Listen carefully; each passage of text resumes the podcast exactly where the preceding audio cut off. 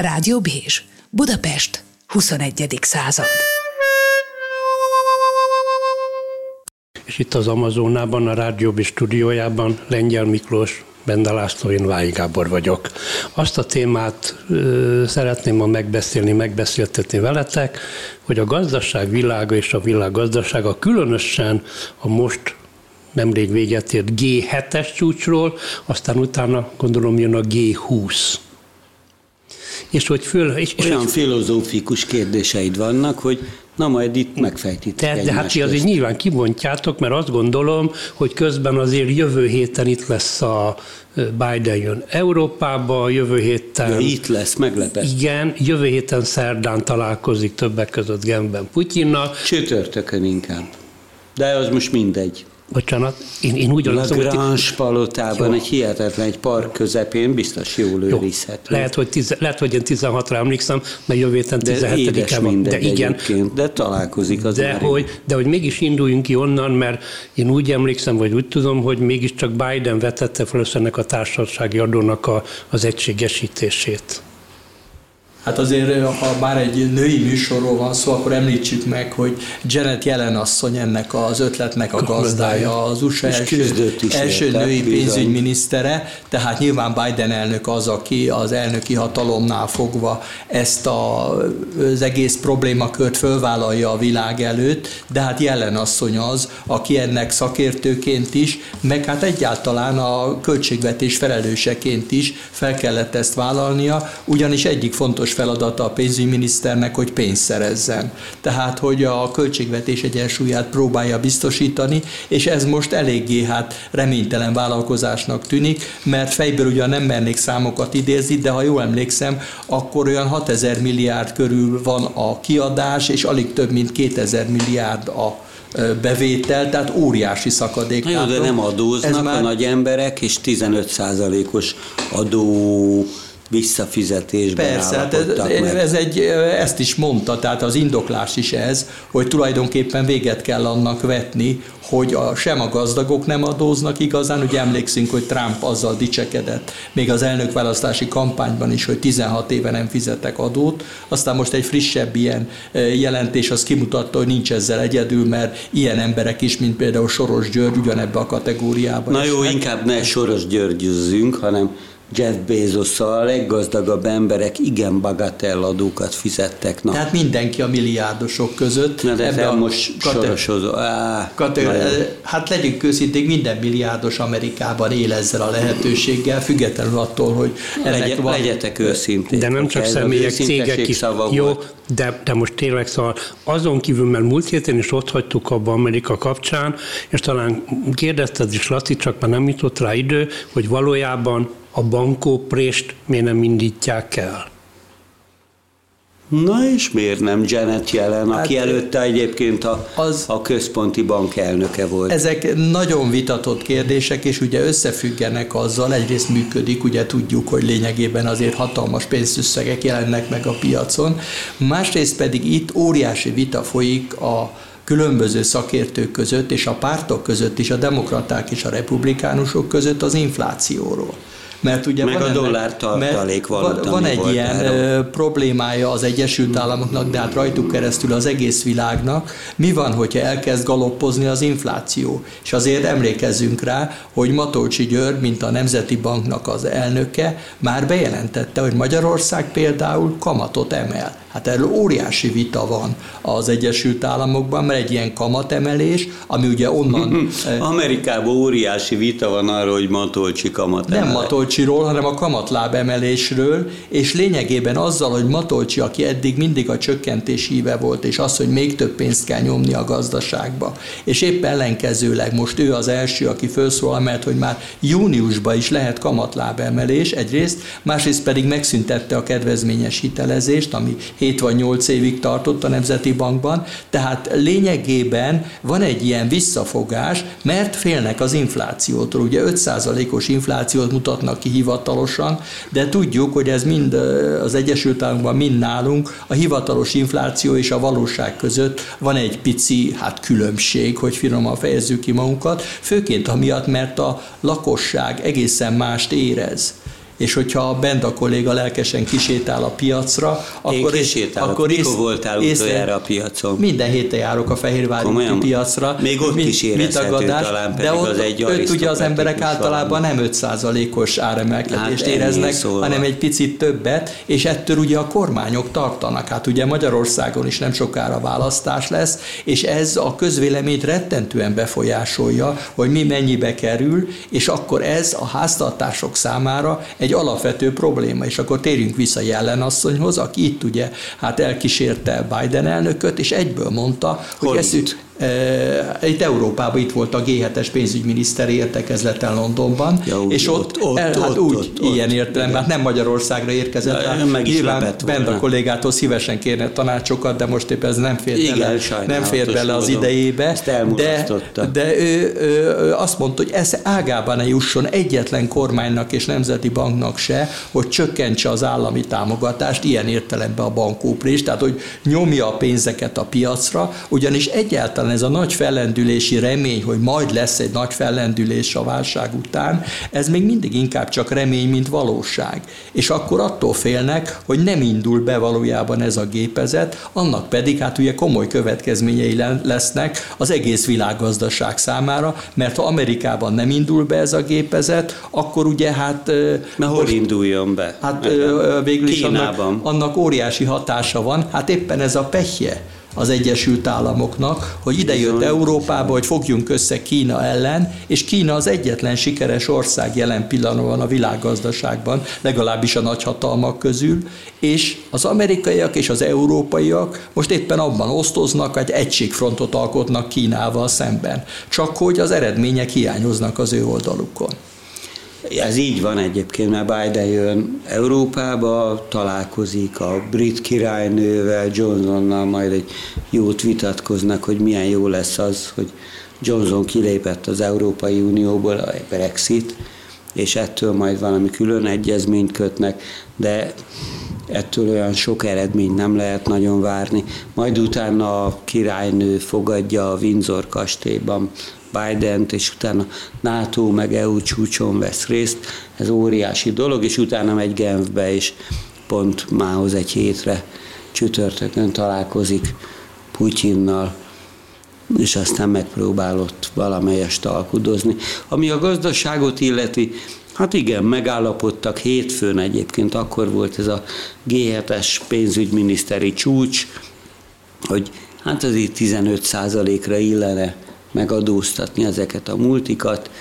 Magyarországon érdekes lesz, hogy erre hogy fognak fölkapaszkodni, mert itt alacsonyabb az adókulcs, és eléggé fontos a gazdaságnak, hogy ezek a multik jól teljesítsenek az exportnak kivált. De ott is majd országa válogatja, hogy mennyiben teljesítik ezt.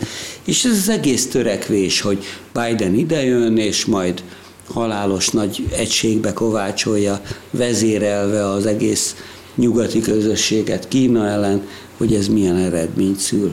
És hogy mennyire PR ez. Tehát például, amit itt bent a kolléga említett, hogy az angolok és az amerikaiak egymásé lesznek, ugye most volt a 77. évfordulója a partraszállásnak, új atlanti kartát akarnak kiadni. Ez úgy PR-ként jól hangzik, hiszen... Na, de az még az oroszokkal való együttműködésre vonatkozott, Angli- akkor még Anglia, a, De hát ez főként ugye Anglia és Amerika együtt föllépett Igen. és megmentette a demokráciát. Na most erre gyakran utal Biden, hogy ezt a vonalat akarják folytatni, csak a realitások egy picit picit megváltoztak azóta, és akkor még azt egészítsük hogy Biden ugye a NATO csúcson találkozik például a magyar miniszterelnökkel is, ami olyan szempontból hát annyira, érdekes. Mint a pápa, hát ugye a 27, ugye a 27 résztvevője van, tehát a találkozás valószínűleg egy kézrázásban kimerül, csak azért érdekes, mert utána találkozik Putyinnal. És hogyha van a NATO... Na de azok és van, ott tárgyalni de van a, Na jó, de csak hogy van a nato belül olyan tagállam, amelyik ugye hát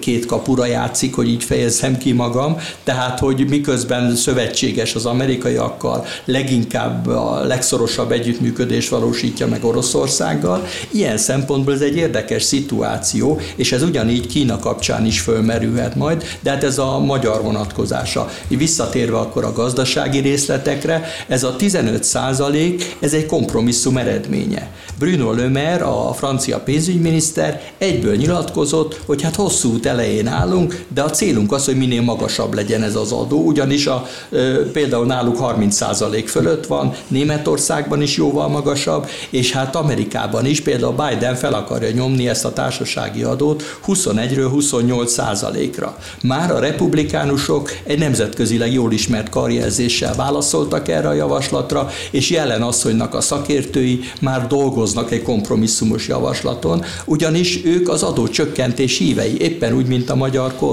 És azért ezt ne felejtsük el, hogy itt nagyon komoly gazdasági érdekek vannak, ez nem arról van szó, hogy hát eszébe jutott valami a magyar gazdasági vezetésnek, azt mondják azok, mint például a magyar kormány, amelyik 9%-os adóval dolgozik a társaságok esetében, hogy hát azért jönnek ide jelentős részben a nagy külföldi cégek, mert kevesebb adót kell nekik fizetni. A példa ebben Írország, emlékszünk a megboldogult kelt a tigrisre, ami időközben kilehelte nemes lelkét, na, de na, amikor na, na, na, életerős volt, és, élete, életerős volt és felfutott, arra az ötletre épült, hogy itt a globalizáció, itt vannak az amerikai cégek, amelyek Európát meg akarják hódítani, de az Európai Unión belül azt az országot fogják megtalálni, ahol a legkevesebb adót kell fizetni. És íme Dublin fölkínálkozott, és ebben teljes volt a konszenzus, olyannyira, hogy az Európai Unión kívül mindenki, és az amerikai kormányon kívül mindenki tapsolt nekik, hiszen Amerika adót vesztett, vesztettek az Európai Unió tagállamai is,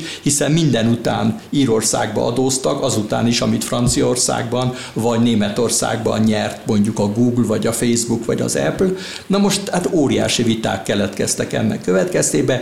2019-ben fölvetették, hogy ebből elég volt, és emeljük föl az adót. Az írek azt mondták, hogy nem náluk 12,5 százalék, erre a franciák és még néhány ország, nem tudom pontosan melyik így fejből nem idézném, megemelték maguk. Tehát a maguk részéről mi megadóztatjuk a Facebookot, és nem fogadjuk el azt, hogy ők Dublinban adóznak az egész uniós forgalom után, ahol az adó jóval kisebb.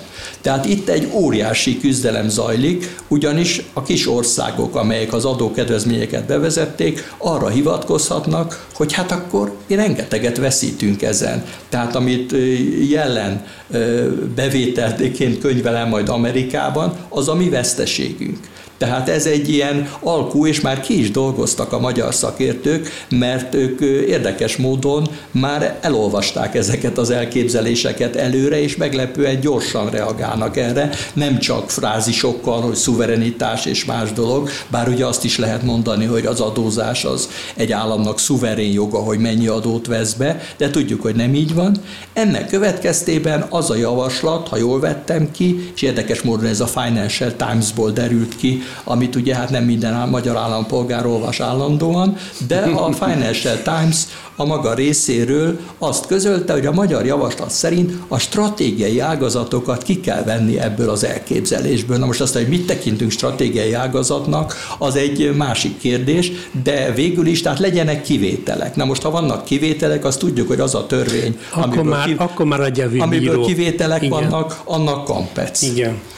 Jó, hát én azt az ír kis tigris nem temetném el, továbbra is nagyon jól működik. Hát ők eleve a britek háta mögött mosolyogva valóban kitaláltak egy-egy ilyen adókedvezményt, és így tovább, de oké, okay, hát biztos már nem lehetnek olyan sikeresek, meg kitalálják ellenük ezeket a, az adókedvezmény elvonásokat, de hát hogyha belegondolok abba, hogy abban állapodtak meg a a G7-ek pénzügyminiszterei, hogy 15%-ra legalábbis fölemelik ezeknek a multiknak a, a, a, az adózását. Na de, hogyha valahol alacsonyabb, mint Magyarországon, akkor a különbözetet az anyaországban kell megtéríteni. Tehát megint csak mondjuk egy, azok a német cégek, amelyek viszik az a magyar export java részét, vagy jelentős részét, azok majd Németországba adóznak. Most mindegy, hogy a profitjuk hány százalékát vinnék amúgy is haza. Hát ez így van, csak ez az elképzelés nem nagyon hát tűnik kedvezőnek, mondjuk mert Lengyelországgal a magyar szakértők már egyeztettek, hogy ezeknek az országoknak a számára, mert ők ezt veszteségként könyvelik el. Okkal, azt mondják, hát azt mondják, hogy azt mondják, azt mondják, hogy ha fölemelik az adót, akkor tulajdonképpen miért nem nekünk fizetik? Hát nekünk is fizetetnek többet, ezt így nem elleneznék, és hát egy olyan szempont is van ebben, hogy úgyis itt vannak már, emiatt valószínűleg nem mennének el. De hát visszautalnék arra, amit itt Benda kolléga mondta, hogy nem halt meg a hős kelt a tigris, hogy végül is ezt az ötletet mások is átvették. Hát gondoljunk Luxemburgra. Volt egy időszak, amikor a két legsikeresebb ország az Európai Unióban Luxemburg és Írország volt. Az egyfőre jutó GDP tekintetében Ú, ők, voltak, ők voltak a bajnokok, de ha valaki elutazott Luxemburgba és Írországba, ez a hatalmas életszínvonal nem volt annyira szembeötlő, mert ez az óriási adóbevételekbe jött, és Jean-Claude Juncker volt például Luxemburg miniszterelnökeként, aki kidolgozta ennek a luxemburgi adóparadicsomnak az ötletét. És azért ugye paradoxon egy kicsit, aztán Brüsszelben, mint a bizottság vezetője, neki kellett ez ellen érveket találni. Tehát ilyen paradoxonokról ugye bőven hallunk, mint ahogy hát ugye Bározó, aki a maga részéről ugye a brüsszeli bizottság vezetőjeként küzdött az európai érdekekért, majd pedig a Goldman Sachs-nak lett az európai ügyekkel megbízott fő lobbistája, ami hát egy kicsit furcsa ellentmondásnak tűnik, de hát mindent láttunk már, neki is élni kell valamiből. Na de például többször említettétek, és nem csak Amerika, Amerikában, hogy miközben a pandémia alatt borzalmasan megnőtt a munkanélküliség, a segélyre szoruló embere, szorul emberek tömege, ekközben a tőzsde szárnyalt. Igen, ez az ellentmondás, és lényegében ugye ez a globális kapitalizmusnak ez nem egy új jelensége. Tehát van ez a Thomas Piketty nevű francia közgazdász, aki viszonylag fiatal még, de már is sztárnak számít, aki a egészen hát provokatív címmel, kapitál címmel, ugye francia vagy capital angolul, kiadott egy könyvet, tőke, amelyik, Marx. amelyik Marx. ugye hát Marx tőkére direkt utalás, hogy az elmúlt 40 évben tehát amióta ez a globalizáció mondjuk ennyire elterjedt a világban, azóta a bérből és fizetésbe élők nagy része a fejlett országokban, hát nem mondható különösebben sikeresnek, tehát alig volt növekedés, miközben a tőke jövedelmek oldalán óriási jövedelmek csapódtak le, és ez a szakadék, ahelyett, hogy csökkent volna, egyre inkább növekedett, és akkor aztán megjelentek ilyen statisztikák, hogy az Egyesült Államokban a felső 1% birtokolja vagy vagyonnak az 50%-át.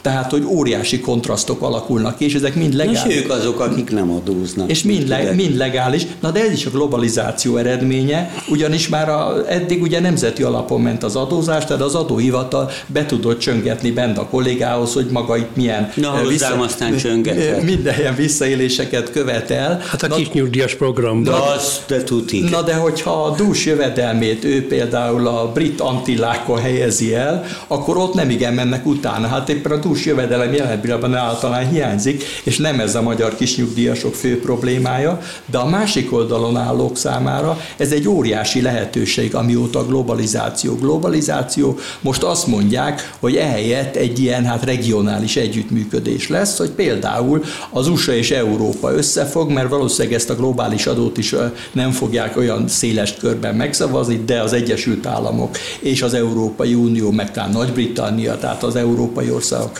amelyek nem uniós tagállamok ebbe egyetérthetnek, és akkor létrejön egy ilyen regionális furcsa globalizáció, aminek következtében jóval nehezebb lesz adóparadicsomokba elrejteni a pénzt, csak hogy ennek is megvan már az ellenszere. Hát például a Magyar Nemzeti Bankban is vannak offshore lehetőségek, de nem csak így, hanem az Egyesült oh. Államokban és másútt is. Tehát, hogy lényegében a, ezek az országok rájöttek arra, hogy miért kell ezeket a törekvő milliárdosokat száműzni, hogy odáig a brit antillákig vigyék a pénzüket, és végül is azért ott abból az ott is marad nagyon sok, hanem hát ezt nálunk is meg lehet csinálni. Hát rengeteg magántőke alap van Magyarországon is, ahol a hatalomhoz közeleső milliárdosok bánatukban ott tartják a pénzüket, ami után nem Magyarországon adóznak, mert ez offshore-nak minősül.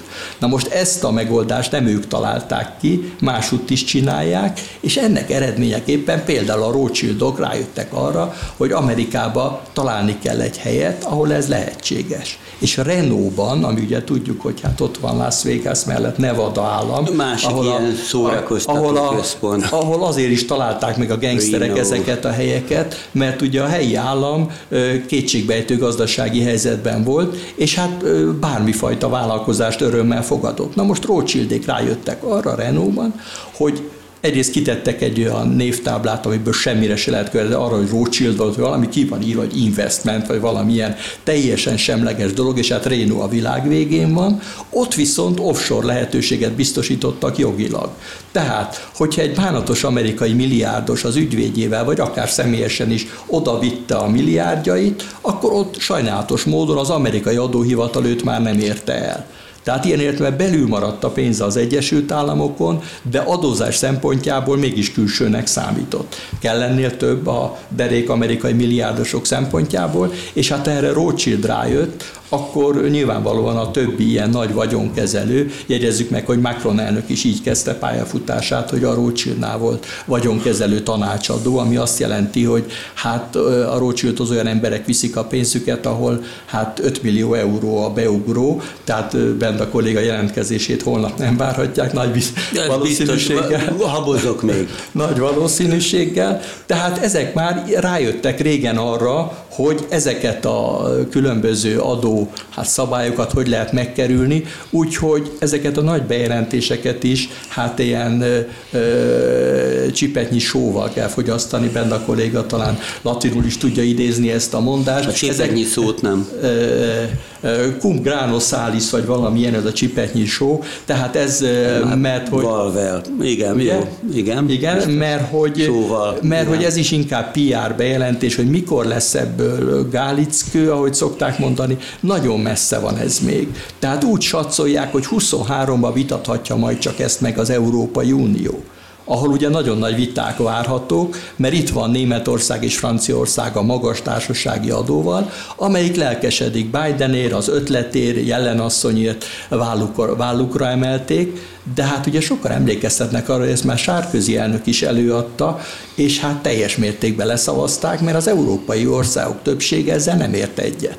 És ez nem csak arról van szó, mint ami szokott lenni, hogy hát Orbán Viktor miniszterelnök fölemeli a kezét, hogy na már akkor ebura fakó ugocsanon koronát, hanem épp ellenkezőleg nagyon sok ország emellett állhat ki, hogy köszönjük szépen, nekünk ez nem jó és akkor valami fajta kompromisszumot dolgoznak ki, és mondom, optimista szakértői becslés szerint 23 nyarán kerülhet erre sor, hogy az Unióban legyen erről vita. Jó, de most azt mondod ilyen nagyon diplomatikusan, hogy kompromisszumos megoldásra törekednek majd. De magyarul ezt most, ahogy az előbb mondtad, ilyen kivételes, ilyen gyevi bíró történetek várhatók, vagy egyszerűen szokás szerint már, bocsánat, uniós módon egy kicsit fellugozzák.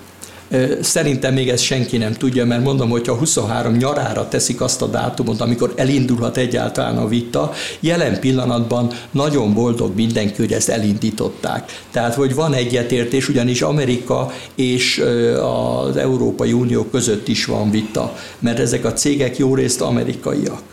Na most akkor azért az, hogy az amerikai cégek megadóztatása Európában, ez is egy nagyon komoly vita kérdés, mert az amerikaiak szeretnék a Facebookot, a Google, az app céget elsősorban otthon megadóztatni. Tehát még itt is bőven várhatók viták. Ennek ellenére ezért boldog mindenki, hogy na legalább ebben egyetértés van. Na de hát azért ez az unió többi tagállamára nem vonatkozik. Ennek következtében uniós viták 23 nyarán, ha elkezdődnek, évekig tarthatnak még, tehát ebből nagyon lassan lesz valami. Ugyanakkor a pénzügyi problémák itt vannak. Az amerikai deficit, ami már tavaly és tavaly előtt is magas volt a pandémia miatt, ennek következtében valamit kezdeni kell az államadósággal, amelyik több mint 100%-a a GDP-nek és ugyanezzel a problémával küzdik Németország, amelyik pedig ilyen nagyon spórlós, és még törvénybe is iktatta, hogy állandóan csökkenteni kell az államadóságot, és kiderült, hogy ez most nem megy. A franciák, az olaszok, tehát lényegében, ha megindul az a kamatemelés, amit itt Matolcsi Gyuri bátran már jelzett, magyar szinten, ha a világban is megindul ez a kamatemelés, akkor ezeket a hát államadóságokat jóformán finanszírozhatatlanná teszi a helyzet, főként, mit tudom én, Franciaország vagy Olaszország esetében, mert ezek az államok nem lesznek képesek legfőjebb az unió támogatásával finanszírozni a költségvetésüket. Na jó, Én de is hát... szólhatok? Persze, nem, nem, bocsánat. Nehéz, de... Tessék, mondjad. Én azért megnyugtatnám a kedélyeket, szóval jön Biden, lesz EU csúcs, NATO csúcs, most teljesen mindegy, hogy Erzsébet királynő a Windsor palotába hogy fogadja, és nem fog történni semmi. Idézőjelben. Tehát a magyar sajtóban meg fog jelenni, hogy Orbán Viktor tényleg kezet fogott vele, tényleg nem is egyszer, többszögből kezet fog fogni vele, utána jól meg fognak állapodni a Kína ellenes együttműködésben, amiben majdnem mindenki egyetért. Ez azért vitatott, mert az Európai Unió egységéről beszélnek, amíg Biden nincs itt, hogy csak akkor nőhet föl az Európai Unió, az Egyesült Államok, meg Kína mellé, hogyha egységes külpolitikát folytat, és ugyan tudok olyan országot, ami állandóan keresztbe tesz ennek, ez gázos. Majd még, még nagyobb egységben ki fognak állni amellett, hogy ha már ennyi vakcina imperializmust követtek el, most nagyvonalúan én nem tudom hány millió oltás anyagot föl fognak ajánlani a szegény országoknak. Na most nagyjából ennyi fog történni ezen az európai csúcson, nem fognak egymás nyakába borulni, de Biden az egészen biztos számomra hogy a kompromisszum készebb arcát fogja mutatni, mint az a Trump, aki az elmúlt négy esztendőben, amit lehetett, elefánt volt a porcelánboltban.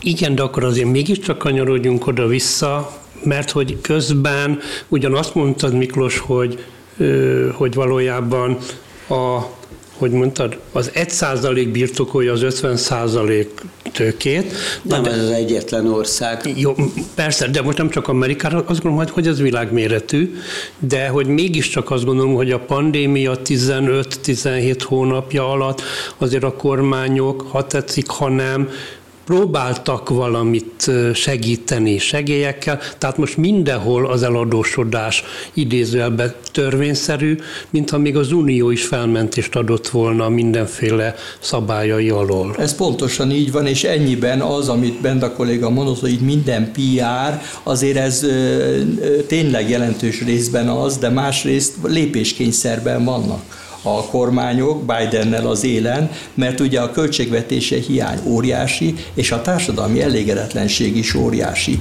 Hát ne felejtsük el, hogy az amerikaiak most először a családokhoz juttatták el ezeket a pénzeket, tehát nem a gazdaságot úgy támogatták általában, hanem családok kaptak ilyen csekkeket ezer dollárokról, és az nem túlságosan nagy pénz, de valami kis reményt jelent, hogy hát a hó végén ki tudják fizetni. Bocsánat, de éppen amerikai hallgatónk is jelezte múlt héten is, hogy pont ez is egyfajta tréningezés lehet, hogy a munkanélküli családok heti 900 dollár körül, ha kapnak, akkor erre rászoknak, szóval hogy lesz ebből amerikai gazdaság élénkítés? Jó, hát ez azért mondom, hogy... Egyébként Trump idején is voltak igen, ilyen persze. esetleges segélyek. Így persze, van, és igen, 1200 dollárt osztottak. És a válság igen. idején Trump is rádöbbent erre, annál is inkább, mert választások előtt állt, igen. hogy az emberekhez is el kell juttatni a pénzeket, plusz a közgazdászok arra is figyelmeztetnek, hogy ez nem jótékonyság, ezek az emberek el kell, hogy költsék a pénzt. Ilyen értelemben a szegények a legjobb szövetségesei a gazdaságnak, mert aki nagyon szegény, meg pláne hitelei vannak, az kénytelen elkölteni elkölteni a pénzét, és ilyen értelemben dinamikusan próbálja hát az egész gazdaságot újraindítani. Tehát a fogyasztás, uh-huh. ami az egyik probléma volt, ugye, hogy leült a fogyasztás a pandémia idején, a fogyasztás az dinamikusabb lett. És így ilyen értelemben ennek van egy ilyen, de hát ezt már Keynes a jeles közgazdász elmondta a 29-es világválságnál, hogy így lehet kijönni. Ez a multiplikátor hatás, ahogy az egyetemen tanultuk még annak idején Benda kollégával együtt, hogy ez a multiplikátor hatás,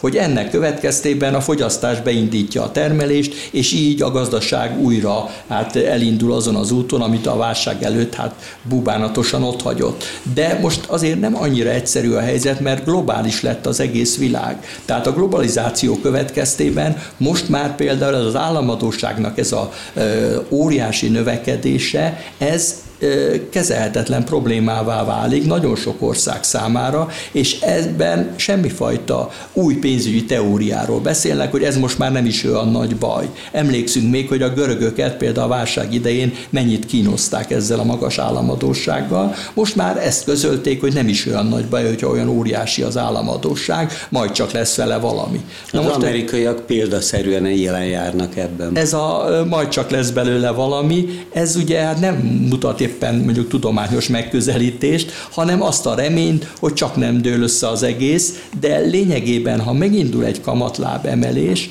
akkor egyre másra kerülhetnek nehéz helyzetbe az országok, és azért szépen csendben vannak ilyen jelek. Hát itt van például Argentína, amelyiket ugye a csődjeiről ismerjük, 45 milliárdos hitelt kényszerül fölvenni az IMF-től a szokásos csődje miatt. Na most azért 45 milliárd dollár, hát az, azt hiszem, hogy rekord ebben a tekintetben, legalábbis egy ilyen, hát nem túlságosan nagy ország esetében, másrészt pedig a perspektívát mutatja, hogy Argentina az elmúlt 25 évben most mondjuk ötödször fordul az IMF-hez, tehát a problémáit nem tudta megoldani, viszont a hitelek, a kölcsönálló állománya egyre nőtt, tehát nem tudja visszafizetni se. Na most ez még csak egyelőre egy ország, bár a G20 tagja, Latin Amerika egyik legfontosabb országa, de mi van, hogyha mások is rálépnek erre a bánatos útra, akkor bizony gond lehet a globális gazdaságban is, mert ezek a csődök kiválthatnak ugye másútt is csődjelenségeket, és leáll a gazdaság. Tehát olyannyira, hogy például a szomszédasszonyom Argentinában dolgozott a étteremben volt ilyen borokat ajánló pincér, és hazajött Magyarországra búbánatosan, mert leállt, nem jár senki étterembe Argentinában. Mert annyira leállt a gazdaság, nincs pénze a középosztálynak, amelyik megtöltötte volna az éttermeket. Ennek következtében Argentinában pangás uralkodik. Na most, hogyha ezt esetleg más országokra is kiterjed ez a negatív tendencia, akkor nagy baj van. Ezért mondta jelen pénzügyminiszter elszántan, hogy tovább kell folytatni a pénz öntését a gazdaságba, kerül amibe kerül, majd aztán később ráérünk azon filozofálni, hogy hogy vegyük ezeket a pénzeket vissza. Szeretném ezt a válságkezelés dolgot egy kicsit másik oldalról is megnézni, mert, mert hogy miközben úgy tűnt, hogy az úgynevezett klímaváltozás, vagy úgynevezett zöld beruházások felé elkötelezte magát a világ fejlett gazdasága, mégis az derül ki, hogy most a válságkezelésre fordított költségvetések több mint 80%-át az úgynevezett legszennyezőbb szektorok támogatására fordítottak az országok. Ez, ez most ilyen tűzoltásra bármilyen lé megfelelő nézőpont? De nem értek a tűzoltáshoz se. Hát jó, oké. Okay. A rádióban jó műfaj a hallgatás. Hát a legjobb, mert nem lehet hibázni. Jó, hát ez a környezetvédelem, de itt az a problémája a legtöbb kormánynak, hogy a szempontok ellentétesek egymással. Tehát az, hogyha a gazdaságot életre akarják galvanizálni, akkor a környezetvédelmi szempontokat valamennyire hát takarékra kell tenni. És ez minden országban megtörténik, bár ennek a PR-ja nem olyan nagyon nagy, mert ez ugye nem fest igazán jól, és az Unió is mindig hangsúlyozza, hogy zöldnek kell lennie a fellendülésnek. Na de ezt ugye PR-ba elő lehet adni, a zöld ö, fellendülés drága. Jelen pillanatban ez nem biztos, hogy a kormányok számára a legcélszerűbb vállalkozás, ugyanis nekik olyan ágazatokat is támogatniuk kell, ami lehet, hogy környezetszennyező, de rengeteg embernek ad munkát. Tehát itt az, hogy a munkanélküliséget mindenképpen tartsák kezelhető szinten, ez minden kormány számára létszükséglet. Hát csak utaltunk a választásokra, akár Magyarország kapcsán, de hát Macron elnök Franciaországban szintén választások elé néz, Németországban ősszel választások lesznek, tehát egyáltalán nem mindegy, hogy az ottani lakosság mit érzékel ebből. Na most, hogyha az áttérés a zöld különböző hát, akciókkal, az áttérés rendkívül költséges. Ebből a pénzeket egyrészt elvették, mert ugye hát kellett a támogatásra, másrészt pedig későbbi időpontokra. Mármint a vírus támogatásra. Hát azokra a támogatásokra, küzdelemre. amelyeket ugye a vírusválság, ahogy bent a kolléga helyesen rámutat, a vírusválság miatt Én csak a javítok. Utalnak, utalnak ki a különböző kormányok, a gazdaság különböző szektorainak, és ilyen értelemben a prioritási sorrend az, ami a stabilitás, illetve a fellendülésnek a mindenáron való erőltetése, az dominál, és ehhez képest az ilyen hát nemes lelkű célok, mint a zöld programok megvalósítása szükségképpen háttérbe kerül. Tehát ilyen értelemben, és hát van egy érdekes oldala még ennek, ha ezt a kínai kapcsolat, amiről majd Benda kolléga részletesen a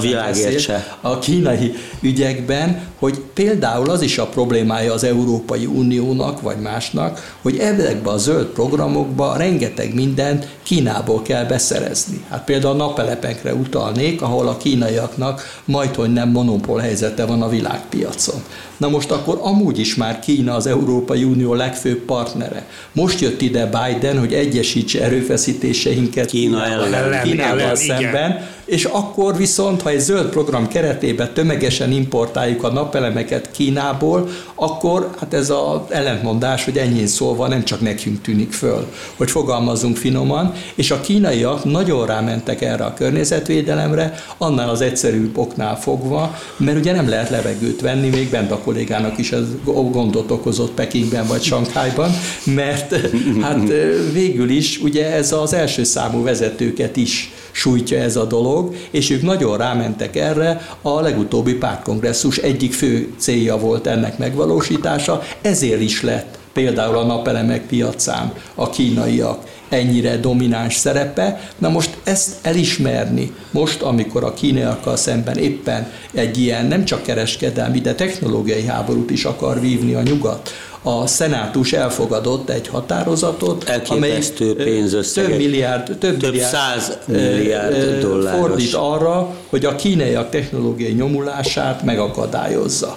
Na most hát ez akkor például kicsit ellentétes. Inkább megelőzzen, a maradjunk ennyiben. Hát a megelőzés, ugye itt van például ez az 5G rendszer, amit ugye a Huawei hát a maga részéről például Magyarország Ez a jelkép. Na most akkor akkor ezzel például mi a helyzet? Ugye emlékszünk rá, hogy itt járt Budapesten is a Pompeo amerikai külügyminiszter, hogy lebeszélje a magyar vezetést, ez nem sikerült. Na de hogyha ez Szlovéniában a, sikerült. Ezt halálosan kom, és az európai legtöbb országban a németek Igen. és a franciák is hát felfüggesztették a döntést ezzel kapcsolatban. Ott de, még dilemmáznak, de, de, lény, de lényegében ilyen döntéseket előbb-utóbb meg kell hozni, és hát ebben a tekintetben nagyon meg van fogva minden kormány. Mert egyrészt van a az, hogy na legyen fellendülés, amihez nagyon fontos például a kínai digitalizációs technikának a felhasználása, más oldalban ez a fellendülés legyen a mi fellendülésünk, tehát a saját vagy a nyugati fellendülés, tehát a saját bázisunkról induljon, ne kínai importot növeljen, hiszen az Uniónak, a Nagy-Britanniának Kína már is az első számú partnere, és a dinamika 66%-kal nőtt például a kínai export Nagy-Britanniába az első, hát mi az első negyed évben, tehát amiről már van statisztika. És fog Na, is, mert nyilván Boris Johnsonnak az az érdeke, hogy a Brexit mellett szólva azt mondja, hogy na, ha nem az Európai Unió szabályai szerint kell, hanem kétoldalú egyezmények alapján lehet handlézni, akkor milyen jó lesz ez a briteknek. És hát ez, csak ez mondom, a PR, amikor azt jelöli ki, hogy hát szuverén Nagy-Britannia, és a másik oldalról a szuverenitás most korábban ugye Európától függött, most meg egyre inkább Kínától, tehát ilyen értelemben egymásra a szempontok is hát egymással nehezen egyeztethetők össze, és amit ugye hát kérdeztél a első részben, ugye ez, hogy a környezetvédelem szükségképpen háttérbe szorul, csak hát ez az, amit nem szoktak bevallani. Mert ugye ez is egy nagyon fontos cél volt, és ebből a fontos célból nem lesz semmi a közeli jövőben, hát ezt nehéz bevallani. Na jó, csak a múlt alkalom, a múltkori műsorok egyikében, amikor a közel-keletről beszélgettünk éppen, akkor ugye szóba került, hogy ott is a nagy olaj az olajjal rendelkező országok kezden gazdaságai kezdenek majd visszavonulót fújni, hiszen a kőolaj felhasználás éppen a környezet. Nem visszavonulót fújnak, hanem több lábon igyekeznek igen, állni, igen. tehát na de, most, is na de most akkor mégis ugye azt mondtam, az előbb idéztem, hogy mégis akár ha csak a G7 országokra vetítjük, akkor ez a fosszilis energiába való befektetés, ez akkor mégiscsak egyelőre kedvez a kőolajterm, vagy a kőolajjal rendelkező országoknak, hogy ott továbbra is egy rövidámban kitermelhetik a kőolajat. Hát a benzinára állandóan emelkedik. Hét éve nem volt ilyen magas, magas az Egyesült Államokban, tehát lényegében itt is az ellentmondó szempontok vannak, hogy az amerikaiak érdeke más oldalról az, hogy a benzinárak emelkedjenek, mert ezt a palagáz és palaolaj, amit ők ugye nagy mennyiségben tudnak kitermelni, az drága.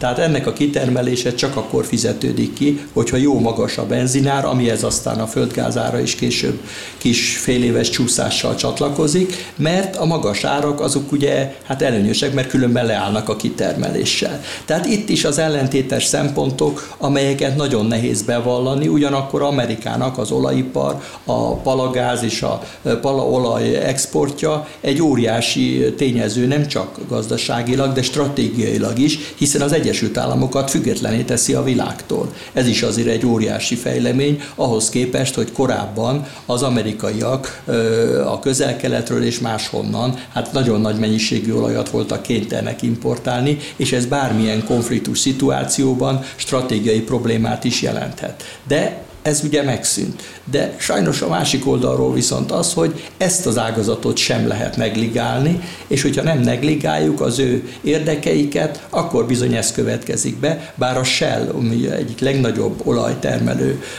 ilyen multicég, annak az elnök vezérigazgatója kijelentette, a világnak azért nem tesz jót ha az olajból akarja fedezni az energia szükségleteit. Na most hát ezek eléggé képmutató kijelentések, mert ő is ebből él, de hát ettől függetlenül azért ott is van egy törekvés arra, hogy próbáljanak valami mást is csinálni, hogy ne kizárólag erre alapozzák a jövőjüket, mert hosszabb távra ez igaz, hogy ezeket csökkenteni fogják, csak rövid távon, amikor a válság ezt nem teszi lehetővé, rövid távon épp ellenkezőleg előfordulhat az, hogy ezek még növekszenek is.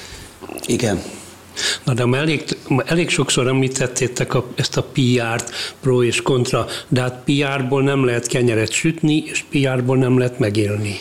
Jó, de a PR-ról szól a világ, szóval Amerika azzal, hogy meg, megtalálta ezt a palagázt, meg palaolajat, és megpróbál ezzel handlézni, zsarol európai országokat, idézőjelbe teszem inkább a zsarolt, hogy most fölépülhet-e az a német-orosz gázvezeték, ami eladósítja, vagy függővé teszi Európát, vagy nem, miért nem vesztek inkább ebből az amerikai palagázból, stb. Ez, ez minden országon végigvonul.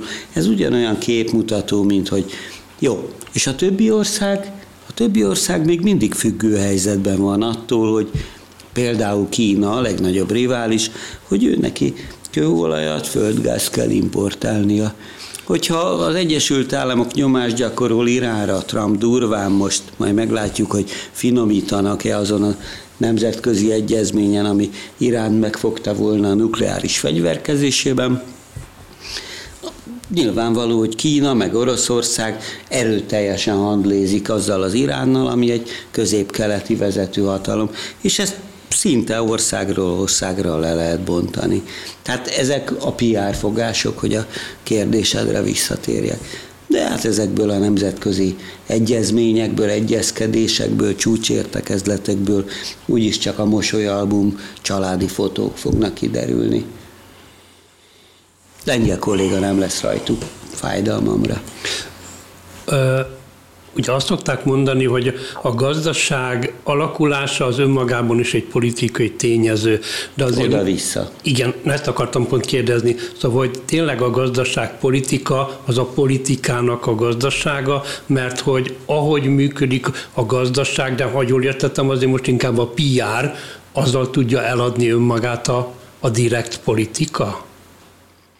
Igen, ez egy nagyon fontos szempont, amire az amerikaiak jöttek rá először, hogy el kell adni a gazdaságpolitikát is, és ebben ugye ne felejtsük el, hogy ez az egész neoliberális globalizáció is egy jól eladott termék volt amit sikerült az egész világon megfelelő mértékben elterjeszteni, hogy milyen jó ez mindenki számára, és csak aztán utána derült ki, hogy igazi nagy haszonélvezői ennek a folyamatnak elsősorban a nagy világcégek, illetve az az elit, amelyik profitálni tud ebből a globalizációból.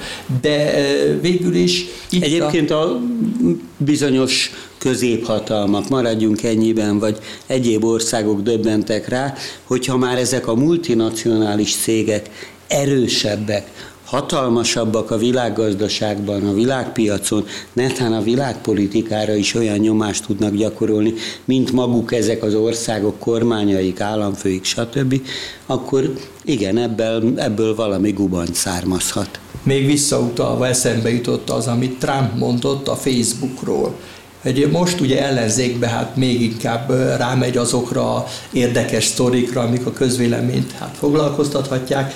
Miért nem tiltotta be a Facebookot, kérdezték tőle. Hát eszembe volt, de olyan tempóban nyalta a pokómat ez a Facebook főnök, hogy hát akkor lebeszélte erről. Na most hát szóval ilyen sztorik vannak, ugye a Fehérházban fogadta ő ezt a derék ifjút, aki még mindig hát milliárdosnak és Facebook főnöknek még relatíve fiatal. És a, a Zuckerbergről beszélünk. Igen, igen, már Zuckerberg, akit igen. a Zuckerbergnek mondanak igen, az amerikaiak, mint egy igen. ilyen filmből megtudtam, de végül is hogy ez pedig hát ez óriási titok volt sokszor, hogy fogadja Trump a Facebook uh-huh. főnököt, mert ugye a választásokat is nagyon nagy mértékben tudja befolyásolni. És nem tudom, hogy milyen jogi eszköze lett volna a Facebook betiltására, de hát most már ellenzékbe Trump némi túlzással azt mondhat, amit akar. És azt mondta, Igyekszik is. Azt mondta, azt mondta, hogy hát tulajdonképpen eszembe volt a betiltás, de hát ha már itt nyalja itt a különböző alkatrészeimet ez a derék ember, hát akkor nem tiltottam be. Na most ez nyilván az amerikai, hát átlagos tévénéző fogyasztónak ez jól hangzik, mert ez ugye megérthető mm. vagy valami. Nyilvánvalóan a valóság nem ilyen, de ez, hogy Trump vérbeli PR figura aki pontosan tudja, hogy egyáltalán nem az érdekli az embereket elsősorban, hogy e, mi van valójában, hanem jól el kell adni egy sztorit, és az emberek esetleg csak a végén veszik észre, hogy tulajdonképpen ők rosszul jártak. Na jó, Trump köté, tök, tökéletesen tudja azt a, a bulvár alapszabályt, hogy nem az a hír, hogyha a kutya megharapja a postást, hanem a postás a kutyát. És ő napról napra igyekszik gondoskodni, én nagyon bízom benne, hogy előbb-utóbb el lehet felejteni, de elképesztő módon látszik az a kétségbesett kísérletezés, ahogy próbál visszajönni az amerikai politika, a közvélemény, a rivalda fény közelébe. A közelmúltban egy helyi amerikai republikánus gyűlésen vett részt, nem győzött nyilatkozni, szenzációkkal szolgálni. Zuckerberget vagy Zuckerberget is vígan leleplezte, közben azért mondjuk a Twitterrel továbbra is tartanak a konfliktusai, hogy szabad-e neki ott még, vagy nem. Közben indított egy saját oldalt, ami befulladt. Én azt hiszem, hogy attól, hogy, hogy Trump megharapta a kutyát, attól nem biztos, hogy hosszú távon is érdemes ennyi figyelmet fordítani. Neki lehet, hogy ebben tévedek. Jó, hát őt azért a Facebook két évre letiltotta. Tehát nyilván ezért is ez a dühös, de én a Twitter mondtam, dühös, mondjuk, de, dühös, dühös reakció, hogy hát akkor, mert ugye félnek azért tőle. Tehát az, hogy ugye rengeteg, Okkal, szavazó, rengeteg szavazója volt, ott voltak azok az események a hatalom átadásakor, amikor ugye hát eléggé komoly lázongás volt, amikor még ott Washingtonban megjelentek az ő szélsőséges hívei. Komoly Tehát, lázongás volt, egy szaros pucs kísérlet. Tehát ennek következtében sokan tartanak attól, hogy vajon vajon nem lesz ennek bőtje a következő elnökválasztás alkalmából, hogyha Biden nem tudja megoldani az amerikai társadalom problémáit, akkor a következő körben ebből komoly gondok adódhatnak, amelyeket Trump kihasználhat, és ha nem ő személy szerint, azok az emberek, akik figyelik az ő karrierjét, és azt látják, hogy ez a jövő útja. És ne felejtsük el, a republikánusok, akik kifejezetten ellenszemben figyelték Trumpot, amikor még csak elnök jelölt jelölt volt, tehát megpróbálta a republikánus jelöltséget megszerezni, akkor a szenátusban, képviselőházban ülő republikánusok hát úgy kezelték, mint egy ilyen jött törekvő alakot, akit jobb lesz negligálni, hát majd mi a profik megmutatjuk mutatjuk, hogy kell csinálni az ügyeket Washingtonban, és mind egyenként behódoltak Donald Trumpnak. És ez a populista vonal, ez keresztül ment azon a párton, amelyik ugye hát Lincoln pártja volt valamikor, és most ők szinte száz százalékig kiállnak Trump mellett. És nem véletlenül. Azért, mert hogyha egy választási nagygyűlés van, és ott van a helyi szenátor vagy a képviselő, akkor is eljönnek páran. Ha ott van Trump is, akkor kétszer annyian, háromszor annyian jönnek el, ott van a televízió is, tehát akkor lényegében ez egy esemény, és Trump hozza a népszerűséget, hozza a szavazókat, sokkal inkább, mint XY mérsékelt szenátor vagy képviselő. Ez igaz, és megdöbbentő tényleg az, hogy a republikánus párt, tehát a száz százalék az, az durván lengyel úr kissé leegyszerűsítő számszerű módosulása vagy módosítása, de az, hogy Trump mögött kiállnak egyelőre, ez egészen bizonyos. Hát számomra megdöbbentő volna, hogy ez tartósnak bizonyulna. Rádió Bézs, Budapest, 21. század.